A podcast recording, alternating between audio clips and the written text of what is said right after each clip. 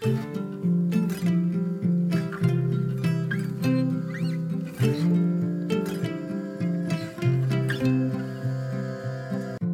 och välkommen till For Health med Anna Sparre.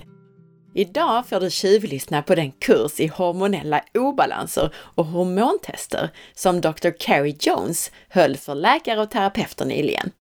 Och idag blir det könshormoner och såklart en massa kuriosa. Om du gillar det här avsnittet så blir jag jätteglad om du vill dela med dig av det på Facebook, Instagram eller till en vän. Och gå in och lämna ett betyg eller en recension i iTunes. Tack på förhand! Om du är nyfiken efter avsnittet så hittar du mer information på forhealth.se.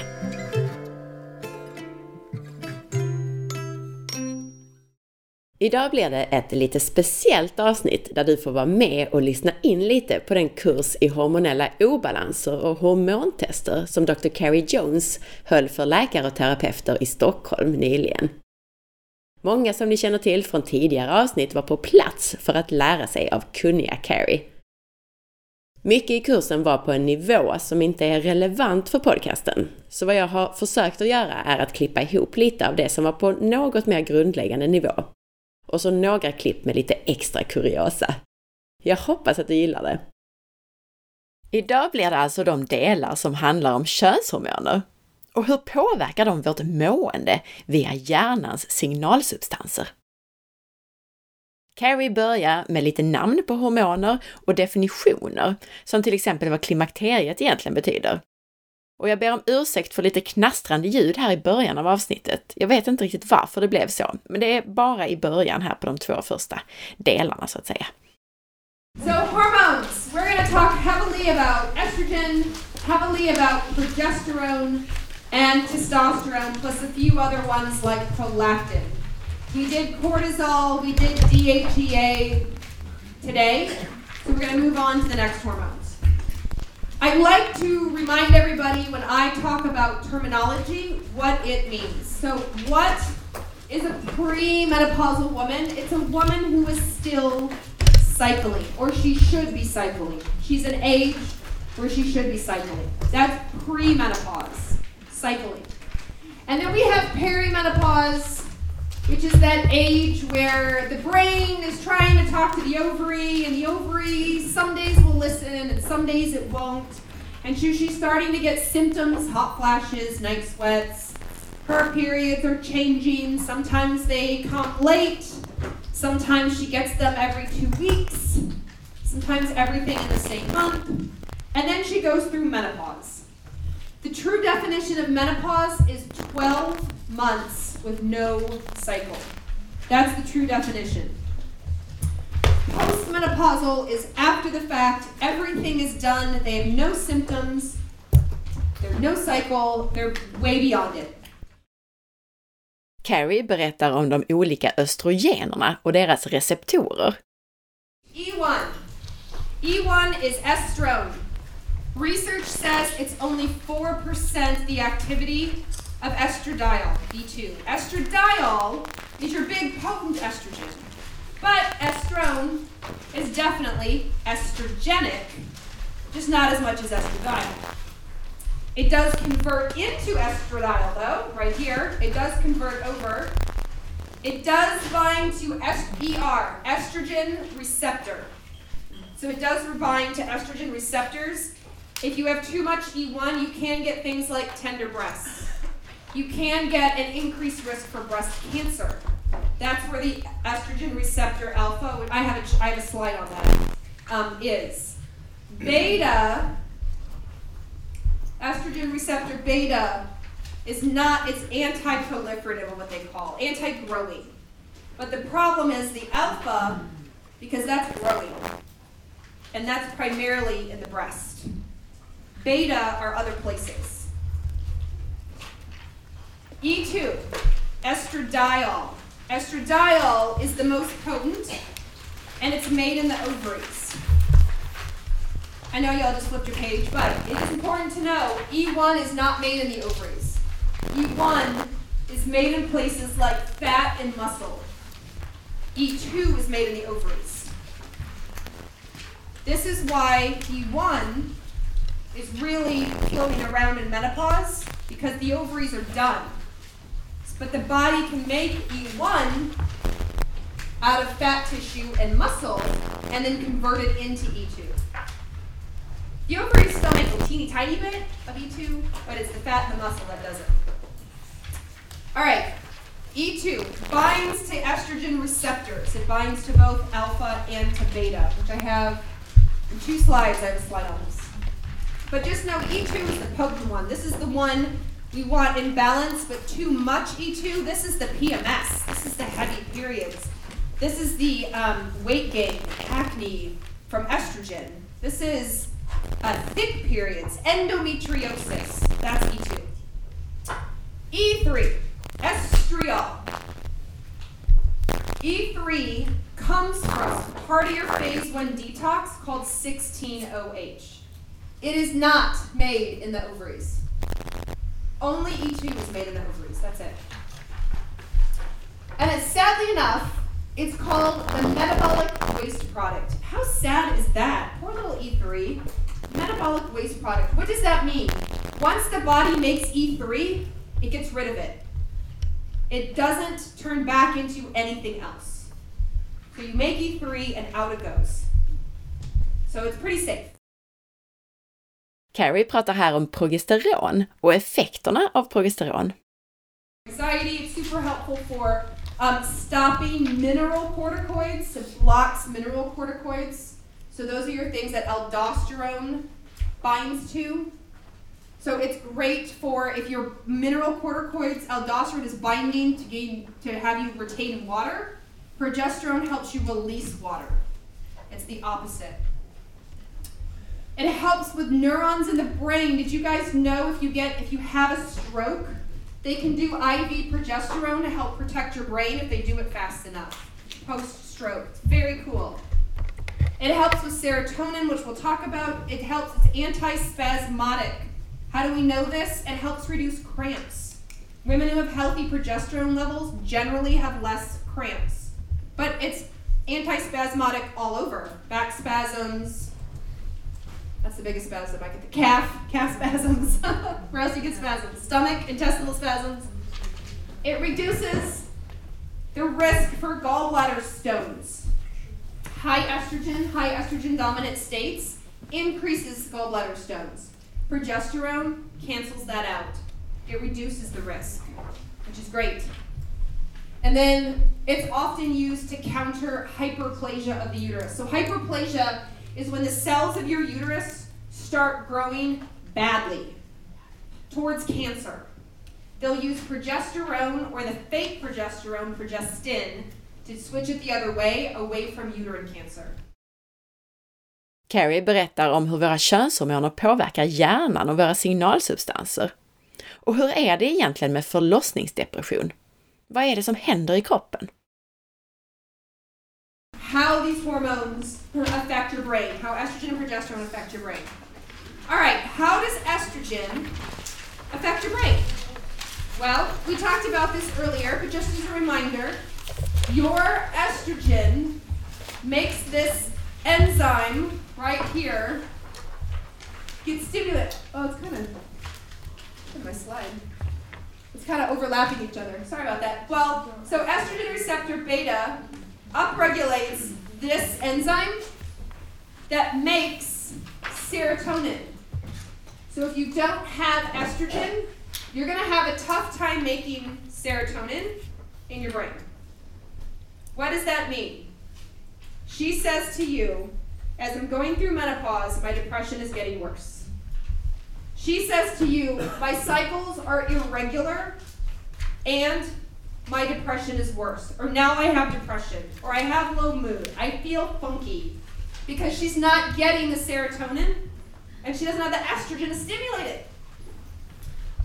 Where do you see this also besides women who skip cycles or menopause? Postpartum depression. Why? Because estrogen and serotonin help each other. When you're pregnant, you make really high levels of estrogen. And when you give birth, they drop all the way down. And if you don't have enough serotonin floating around just to keep you for a little bit, to protect you and hold you up, you will get postpartum depression. We see this all the time, especially in women who go into depre- into pregnancy with estrogen problems or, or serotonin problems. But we see it as postpartum, postpartum depression. Um, estrogen in animal studies, it also helps what's called the serotonin transporter gene. So it transports it around. And the reuptake transporter. So it pulls it out of the synapse, pulls it back into the cell. So a, estrogen is really important for the brain. How does it affect dopamine? Well, we talked about dopamine this morning, right? Addiction, craving, energy. It helps working memory. Normal estrogen levels helps working memory. Where do we see this? You head into menopause and you go, Am I getting dementia? I can't remember things anymore. I have to write down lists. I'm forgetting names. I'm in the middle of a sentence and I'm thinking to myself, Self, where was I going with this? Right? Estrogen helps working memory. It helps you feel more motivated. It's neuroprotective. Estrogen and dopamine are really good for the brain. So if you're too low of estrogen, you're depressed and you're not motivated. So what helps make GABA?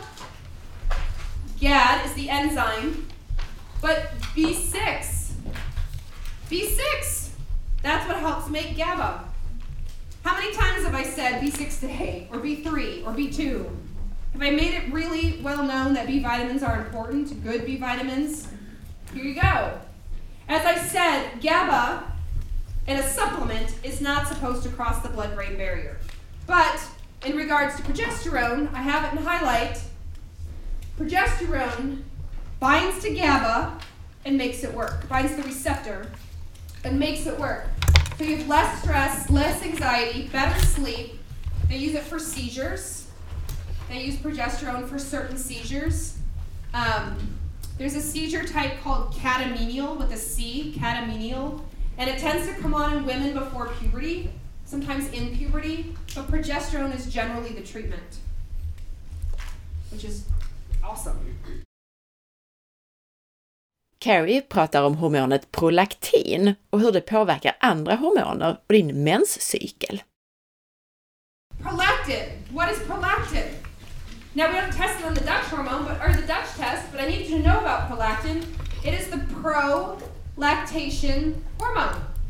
It helps you breastfeed, which is really important. We need prolactin when you deliver your baby and you want to breastfeed.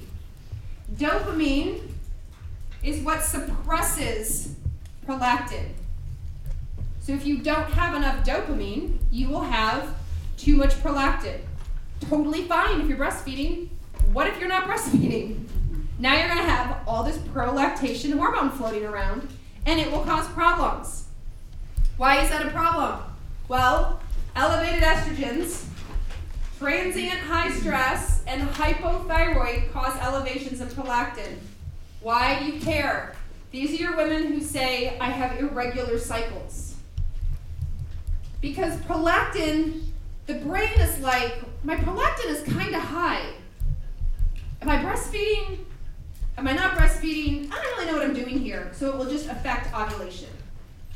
So if you have, again, high estrogen, you can absolutely screw up prolactin, which is going to screw up your cycle. If you have hypoth- hypothyroidism or stress, and I know that you know sometimes you're reading these slides and you're like, wow, that's really easy to treat. But we forget. Like I give you all this information for the why, and I give you other re- other hormones to, to check. Because if you just have a prolactin problem, you may have an estrogen problem, a thyroid problem, a stress problem, and you don't even realize it with your client. Or you check them for these things, estrogen, hypothyroidism, cortisol, and they have irregular cycles, and you go, oh, I should check them for prolactin because I bet this is the reason for their irregular cycles. Now, hypothyroidism can cause irregular cycles. So imagine if you have hypothyroidism and high prolactin. Boy, your cycles are screwed up. So you have to fix that. Certain medications will affect prolactin as well. Nästa könshormon, testosteron. Carrie kommer också in på hur det fria testosteronet, och andra könshormoner för den delen, blir lägre om du har högre nivåer av det som kallas för sex hormone binding globulins, alltså de proteiner som håller fast könshormoner och hindrar dem från att vara fria och aktiva i kroppen. So if you have a woman with a testosterone issue, you have to address or look at or think about all three areas. Because in the ovaries, 25% of testosterone is made there. In the adrenals, 25% of testosterone is made there. And in, the, in your fat tissue, 50% of testosterone is made there. And then, of course, we talked about DHEA a lot this morning. But if you have too much testosterone or too little testosterone, you look all three places.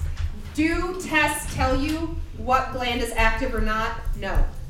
If you run a serum test, a saliva test, the Dutch test, our, te- our testosterone will not be tagged as ovarian or tagged as adrenal.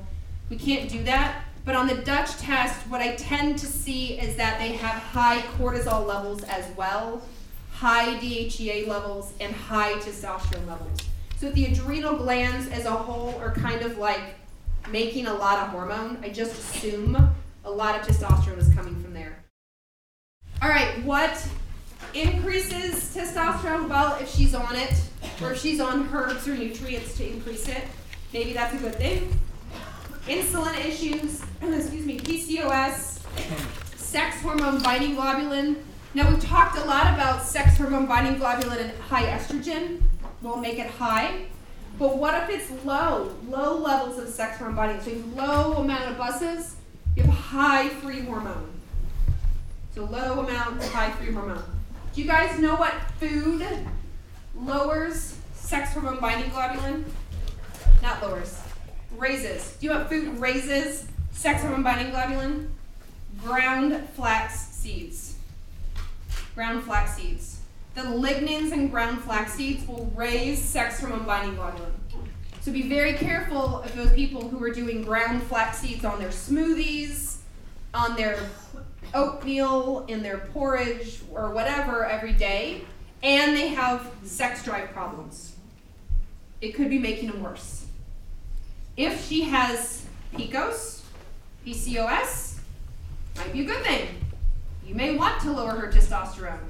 If she has acne on the jawline and facial hair, she's losing hair on her head, maybe you want to lower her testosterone. So you can adjust it dietarily. Och så är det dags för Carrie att sammanfatta allt det här kort och koncist. So, Carrie, I just wanted to ask you about this second part of, of today. Yes. We talked about sex hormones. Yes, estrogen and progesterone and testosterone. Exactly. Yep. So, actually, the same question as I asked you earlier. So, what's the main takeaways? Absolute biggest takeaway is balance, right? We learned too much estrogen, and you get PMS, and you get um, tender breasts, and you get mood swings, and not enough estrogen, and we get depression, and we get anxiety, and we get you know more wrinkles, and we get loss of bone, and same for progesterone, and same for testosterone. So it's all about balance. Too much, too little. Hormones are not a bad thing. It's just they have to be in the right balance with each other. Ni kommer att få ett tredje och sista avsnitt där jag klipper ihop så att ni får tjuvlyssna på kursen med Carrie som anordnades av Alpha Plus. I det avsnittet så kommer vi in på metaboliterna. Alltså hur könshormoner som östrogen, progesteron och testosteron bryts ner i kroppen och hur det är kopplat till allt från cancerrisk till akne och håravfall. Och jag är inte säker på om det blir nästa avsnitt eller om vi kör ett par intervjuer emellan.